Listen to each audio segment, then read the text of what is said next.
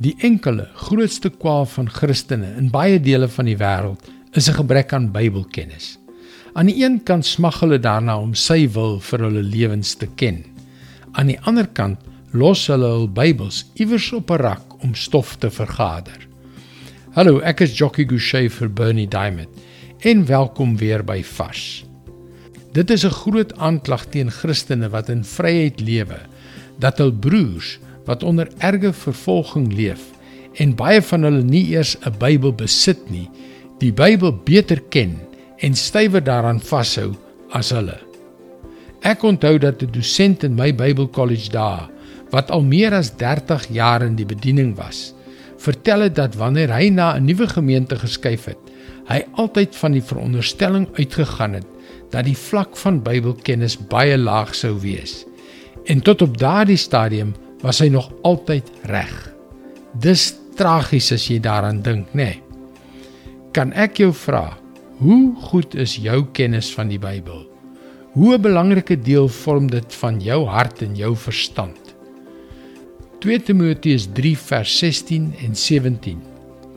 Die hele skrif is deur God geïnspireer en is nuttig om ons te onderrig, die verkeerde te weerlê, om ons te reg te wys en om die regte leefstyl by ons te kweek. Dit is God se manier om sy mense voor te berei vir hulle taak, ten volle toegerus vir elke goeie ding wat hy wil hê hulle moet doen. Ons eie sonde is die grootste struikelblok om 'n godvrugtige lewe, 'n lewe van vrede en krag, van vreugde en diens te lei. Dis die waarheid. Laat die Heilige Gees toe om deur die krag van die lewende woord jou lewe te transformeer. Jy kan nie God se wil ken as jy nie sy woord ken nie. En dit is sy woord vars vir jou vandag. God begeer dat jy jou lewe in oorwinning oor jou sonde en jou omstandighede sal leef.